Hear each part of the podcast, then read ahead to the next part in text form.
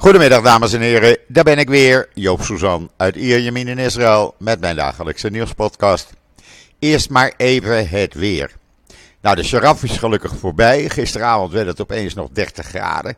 Eh, echt de airco eh, aangedaan en de hele nacht is de airco aangebleven. Want ja, zoveel zand in de lucht, dan kan je niet eens een raam open houden. Maar nu is het lekker, het is 28 graden zoals het hoort, blauwe lucht, een uh, zwak windje. Nou ja, wat moeten we nog meer? In t-shirt en korte broek is dat prima uit te houden. Gewoon de ramen open, uh, alles tegen elkaar open. Uh, de fan uh, staat erbij aan in de huiskamer. En ja, zo komen we het voorjaar wel door. Want dit is normaal voor de tijd van het jaar. En het is gewoon lekker. S'morgens in je t-shirtje, s'avonds in je t-shirtje. ja, die jassen zijn opgeborgen. Die hebben we voorlopig niet meer nodig als het uh, normaal gaat. Dus ja, het is prima zo. En de rest van de week blijft het ongeveer hetzelfde. En dan eerst het nieuws van israelnieuws.nl. Waar minister van Defensie Galant onthult dat uh, de Iraanse Republikeinse garde uh, kopvaardijvaartuigen omtovert tot marineschepen. Uh, hij legt het helemaal uit uh, wat ze ermee doen. Ze doen er uh, allerlei wapenapparatuur gaan erop. raketsystemen, systemen voor drones. nou ja, geavanceerde middelen voor het verzamelen van inlichtingen. En ja, die gaan ze op grote afstand van Iran stationeren, zegt Galant. Nou, je kan het allemaal lezen op israelnieuws.nl. Waar je ook kan lezen dat de Israëlische marine de afgelopen nacht zes man van een zinkende vissersboot heeft gered. Er zit ook een video bij, 55 kilometer uit de kust. En uh, ja, ze waren net op tijd. Uh, ze konden die mensen met een rubberboot in uh, twee keer drie ploegen eruit halen. En naar het marineschip overbrengen. Uh, en het is zeer uitzonderlijk, het gebeurt niet zo vaak. Maar ze hebben het toch wel mooi gedaan, deze jongens en meiden. En uh, daar zijn we toch weer trots op. Lees het op israelnieuws.nl en zie de video daar. Waar je ook kan lezen dat de oprichter van uh, Alibaba, die concurrent van Amazon zullen we maar zeggen, die heeft zich aangesloten bij de universiteit van uh, Tel Aviv. Jack Ma, hij is uh, de oprichter van Alibaba. Hij is een van de rijkste mannen, mensen van uh, China. Heeft een gasthoogleraarschap aanvaard op de Universiteit van Tel Aviv. om de onderzoeksinspanningen van de universiteit op het gebied van duurzame landbouw en voeding te ondersteunen. Nou, is toch wel mooi voor van deze universiteit. Uh, en dan uh, in de Times of Israel, maar eigenlijk in alle Hebreeuwse, Engelse kranten, radio, nieuwszenders. Uh, het kan niet op, want iedereen zat erop te wachten natuurlijk. De 250 miljoen shekel, oftewel de ruim 62 miljoen euro's, die Ben erbij wilde hebben voor zijn spelletjes. En anders zou hij niet stemmen. Nou, die heeft hij gisteravond van Netanyahu gekregen. Hoe ze dat gaan doen, ja, uit overtollige uh, of overgebleven gelden bij andere ministeries. Maar uh, ja, ik zou je zeggen, deze begroting, ik ga hem zo uitleggen, die is uh, samengesteld aan de hand van inkomsten van het afgelopen jaar. Terwijl de inkomsten op dit moment aanmerkelijk lager liggen. er komt veel minder belasting binnen, nu al. Uh, de economie is uh, teruggegaan van 2,7 naar een schatting van 2,5% op jaarbasis. De groei van de economie.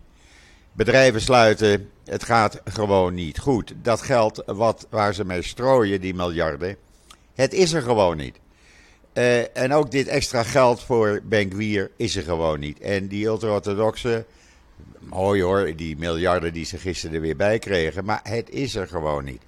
Dus dat wordt nog iets heel leuks. Je kan dat lezen in de Times of Israel bijvoorbeeld.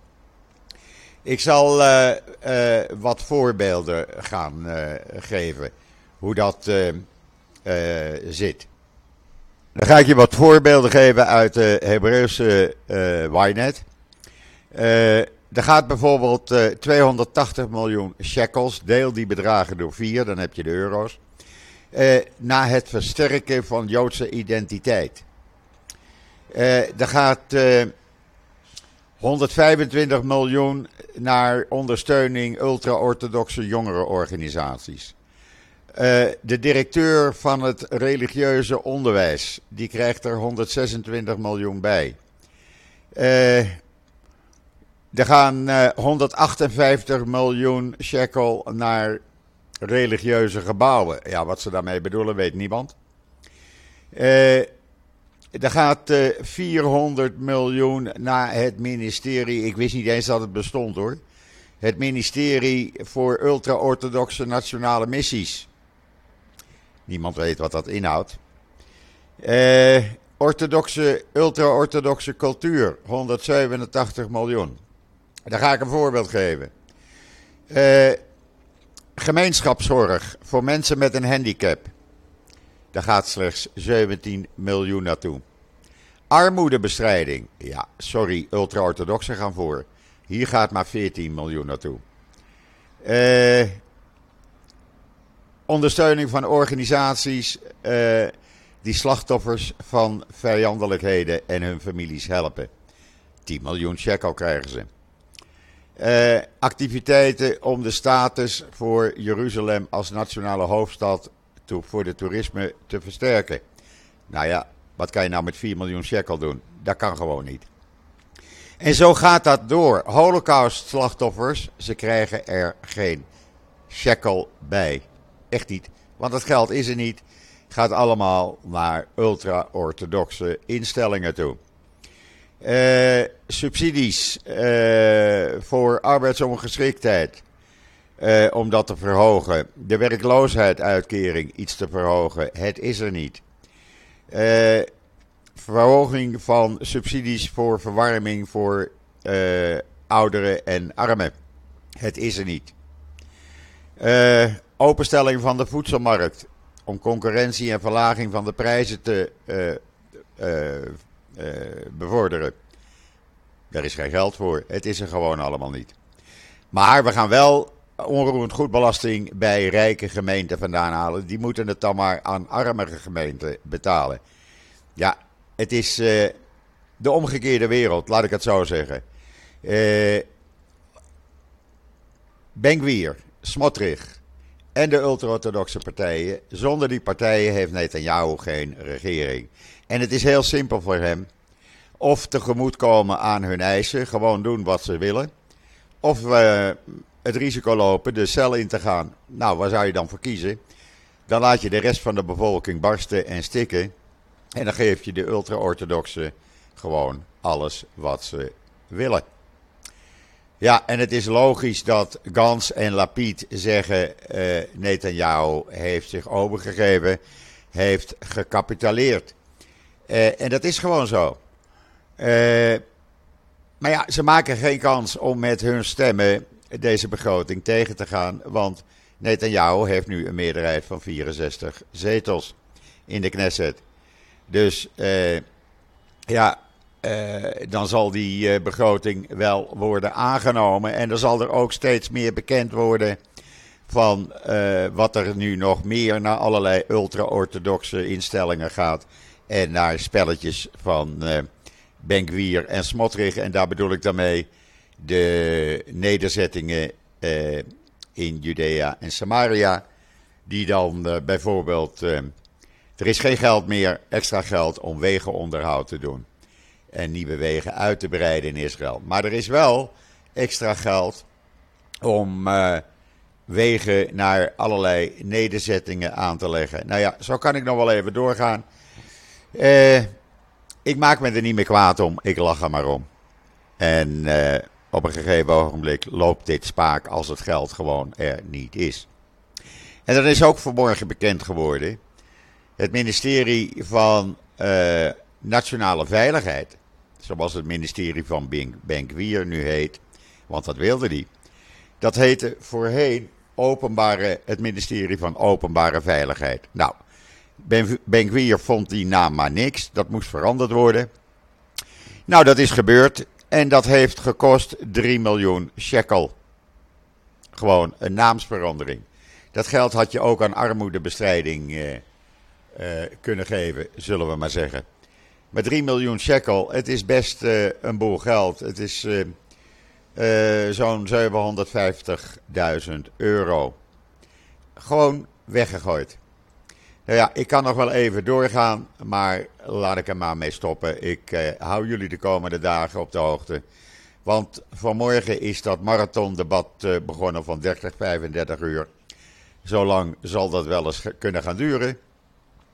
Uh, en dan uh, moet die begroting klaar zijn voor de stemming. Dus ik laat het jullie van uur tot uur weten zodra ik weer persberichten krijg.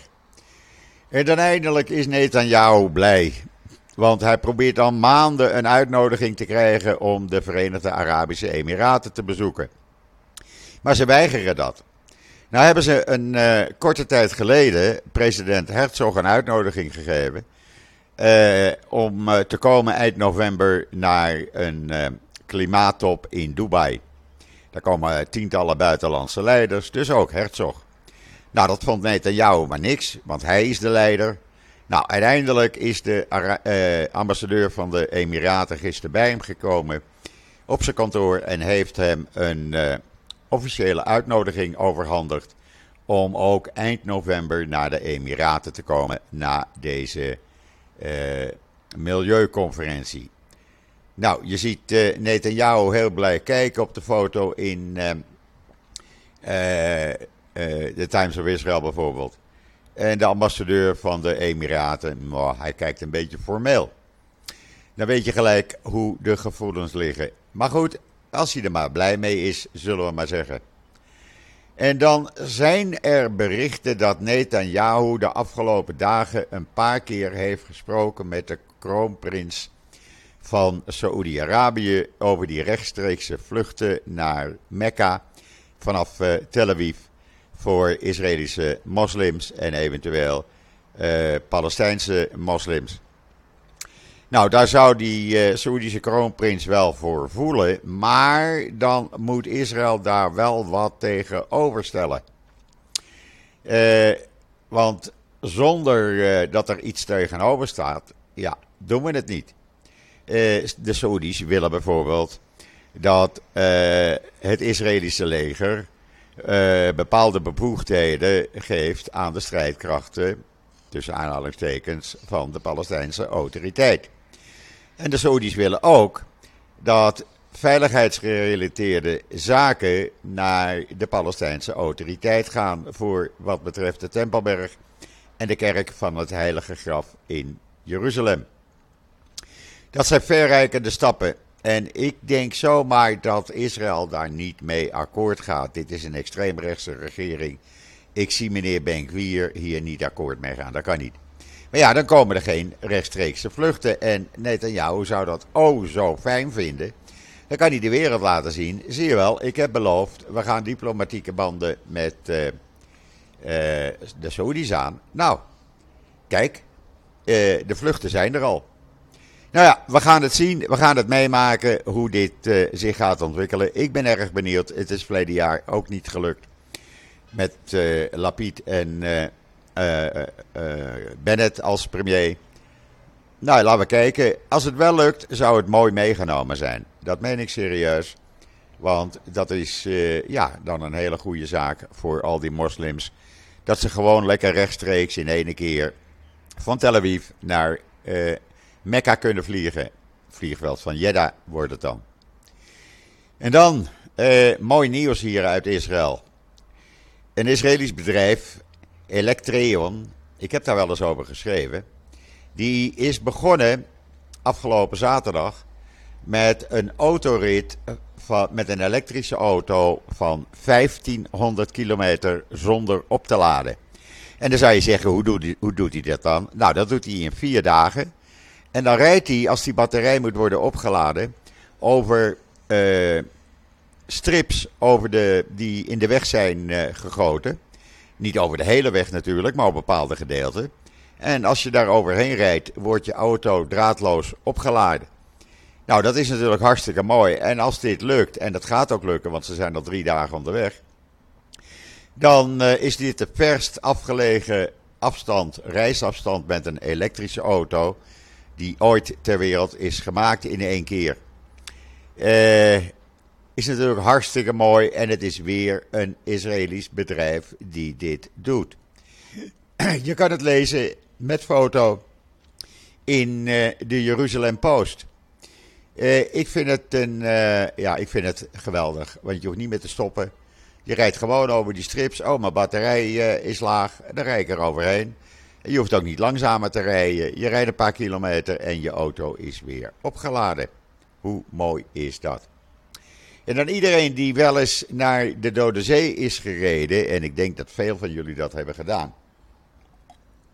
Dan kom je vanaf Jeruzalem, dan rij je naar beneden, eh, die 428 meter, en dan op een gegeven ogenblik ga je naar rechts en dan ben je bij de Dode Zee.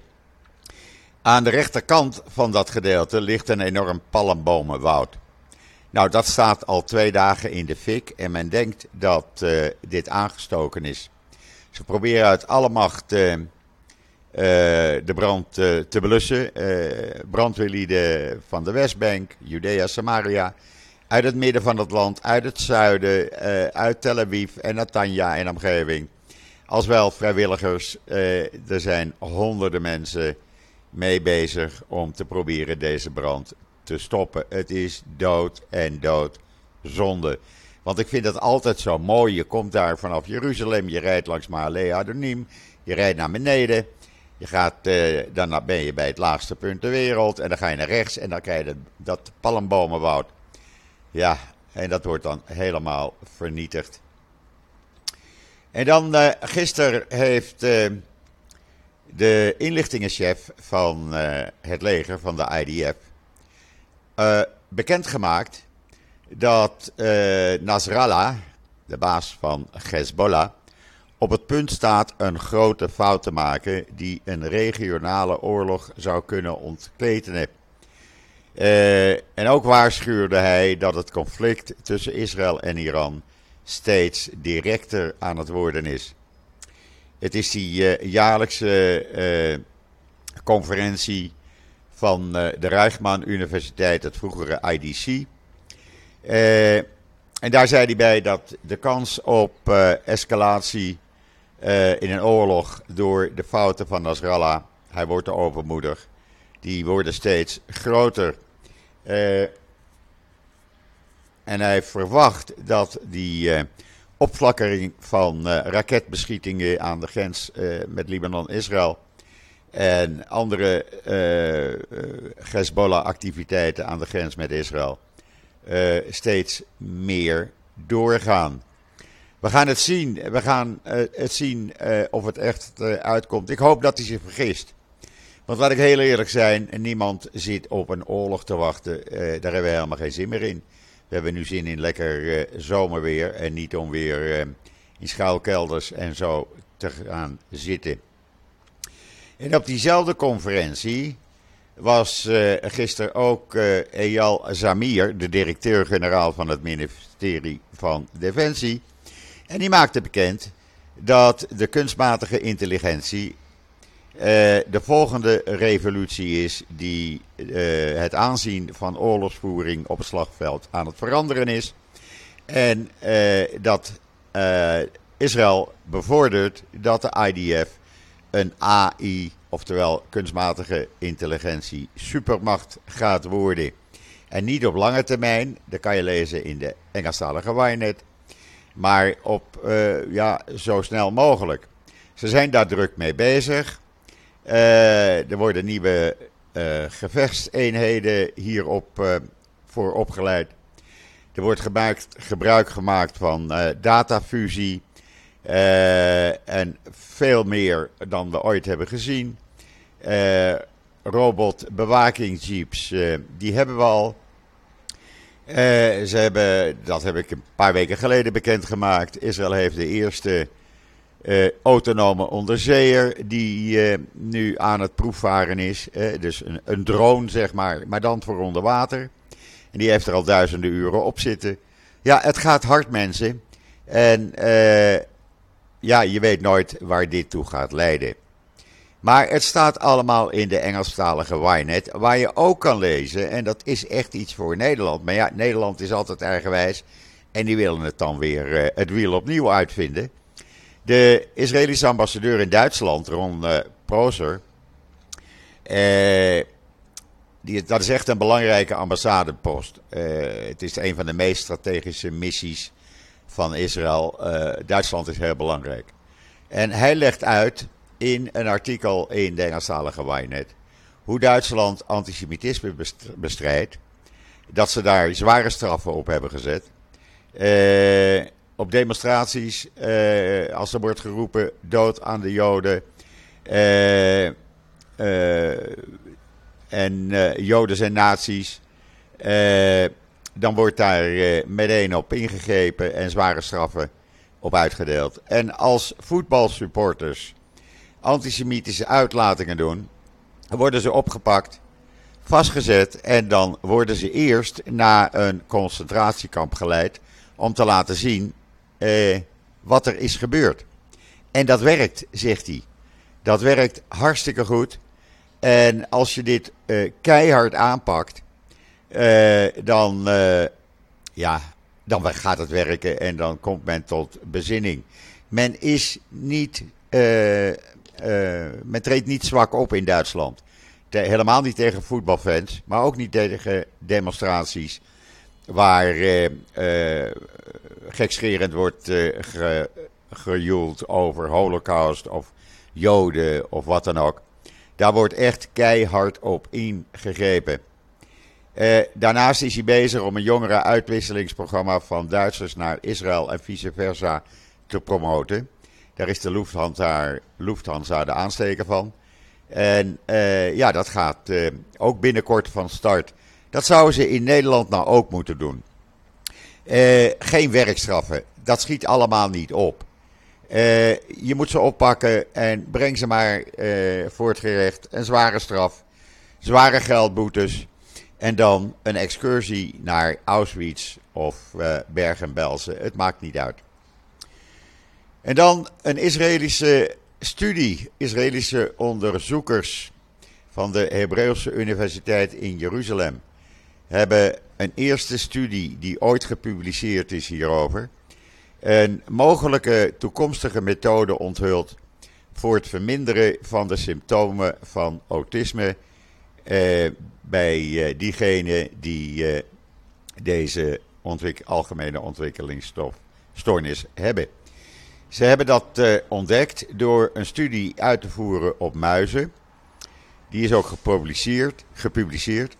En die toont aan dat autisme-indicatoren toenemen na, na, naarmate stikstof in de hersenen toeneemt. En dat het autisme-indicatie afneemt, en het gedrag ook, naarmate het stikstofniveau afneemt. Dus aan de ene kant toename dan neemt ook het autisme toe. Bij afname wordt het autisme verminderd. Dat is bij die muizen gebleken en dat gaan ze nu verder onderzoeken. Dat zou hartstikke mooi zijn. Daar zouden honderdduizenden mensen mee gebaat zijn. En dan een, uh, een, video die je niet eigenlijk wil zien in de Engelstalige Wynet. Je kan dat vorige stuk wat ik vertelde lezen in de Times of Israel. Uh, een video in uh, de, de Engelstalige Wynet. Daar rijdt een uh, Israëlische moeder met haar dochters in haar auto. En die auto wordt vanuit het niets beschoten. En het eerste wat die moeder, je hoort die kogels inslaan, je hoort het schieten. Uh, de schutter is nog niet gevonden, maar men zit er achteraan. Het eerste wat die moeder in die video gilt, en ze praat niet, ze gilt, is vragen aan die meiden zijn jullie oké? Zijn jullie oké? En dat geldt ze kei en keihard. Kijk even in de Engelstalige Ynet. En dan uh, de onderburgemeester van Jeruzalem. Die heeft zich ja, weer de verontwaardiging van heel wat Israëli's op de hals gehaald. Want hij liet zich nogal laatdunkend uit over de LGBTQ-gemeenschap, oftewel de homoseksuele gemeenschap. Minachtende verklaringen eh, gaf hij. Eh, onder andere als het normale mensen zijn, waarom hebben ze dan aparte budgetten nodig? Ja, hoef ik je niet te vertellen, deze man is ultra-orthodox. Eh, de burgemeester van Jeruzalem, Moshe Leon, die distancieerde zich hiervan. En eh, wilde dat deze kleinerende uitspraken nooit waren gedaan. Maar ja, het is gedaan. En uh, ja, probeer dat maar weer rond te krijgen, want er gaat toch een gay parade plaatsvinden in Jeruzalem. En het zal niet zo zijn, maar tijdens Israëls eerste voetbalwedstrijd in Colombia voor voetbalteams onder de 20 jaar, die Israël trouwens uh, uh, verloor met 2-1. Ja hoor, daar moesten natuurlijk ook weer met Palestijnse vlaggen worden gezwaaid. Nadat eerst uh, 4000, 4000 Joodse Argentijnen kwamen opdagen om het Israëlische team op te, op te, aan te moedigen. En Spaanse liedjes te zingen om ze aan te moedigen. Maar die feeststemming veranderde snel toen een aantal uh, mensen met een Palestijnse vlag in hun midden opdook. Ja, dat doe je natuurlijk niet. Uh, het bleef zo gezellig. En uh, de politie heeft uiteindelijk die mensen met die Palestijnse vlaggen het stadion uitgezet. En zo hoort het ook. En dan heeft Israël een plan op, opgepakt. En dat komt eigenlijk bij de ultra-orthodoxe minister van Immigratie, Ofer Ophir Sofer uh, vandaan. Die heeft een plan gemaakt om uh, emigratie naar Jeruzalem te verhogen. Om daardoor het Joodse karakter van de hoofdstad te versterken. Ja, ik weet niet of dat zo'n goed plan is. Maar goed, ik noem het maar even. Dan weten jullie dat als je wil immigreren, krijg je dus allerlei benefits als je je gaat vestigen in Jeruzalem. En dan Christian Amanpour. Die had verleden week gezegd dat uh, Lucy die en haar twee dochters in een vuurgevecht om het leven waren gekomen en niet waren doodgeschoten door terroristen. Nou, daar is hier in Israël natuurlijk heel veel ophef uh, over gekomen. Ik heb daar ook uh, een aantal keren over gesproken. Ik heb het op Twitter gezet. Dat hoor je niet te doen. En uiteindelijk, en dat verwacht je eigenlijk niet van Christiane Amapour. Maar uh, het heeft een week geduurd. Maar gisteravond bood Christiane Amanpour live in de uitzending een openbare verontschuldiging aan voor wat ze had gezegd. Uh, ze zei daarbij: Op 10 april verwees ik naar de moord op een Israëlische familie, Lucy, Maya en Rinadi, de vrouw en dochters van Rabijn Leodi. Ik vergiste me en zei dat ze waren omgekomen bij een vuurgevecht in plaats van een terroristische aanslag. Ik heb Rabijn Leodi inmiddels een brief geschreven om mijn excuses aan te bieden en ervoor te zorgen dat hij weet dat we uh, hopen dat de pijn die dit veroorzaakt heeft snel weggaat. Nou, dat is toch weer mooi van Christiane Amapour. Maar ja, ze hebben het wel eerst gezegd. Dus het komt een beetje te laat. Zou het beter niet kunnen zeggen. Maar goed, uh, ik vind het al, uh, al heel wat dat uh, zij dat toch maar gedaan heeft. Dit gezegd hebbende brengt me dat bij het einde van deze lange podcast van dinsdag 23 mei. Zoals ik zei, we hebben geen sharaf meer. Alleen er wordt met geld gesmeten naar ultra-orthodoxe, niet-zeggende instellingen en spelletjes van ene meneer Smotrich en uh, meneer Benkwier. Maar goed, daar blijf ik jullie van op de hoogte houden. Ik ben er morgen weer en zeg zoals altijd: tot ziens, tot morgen.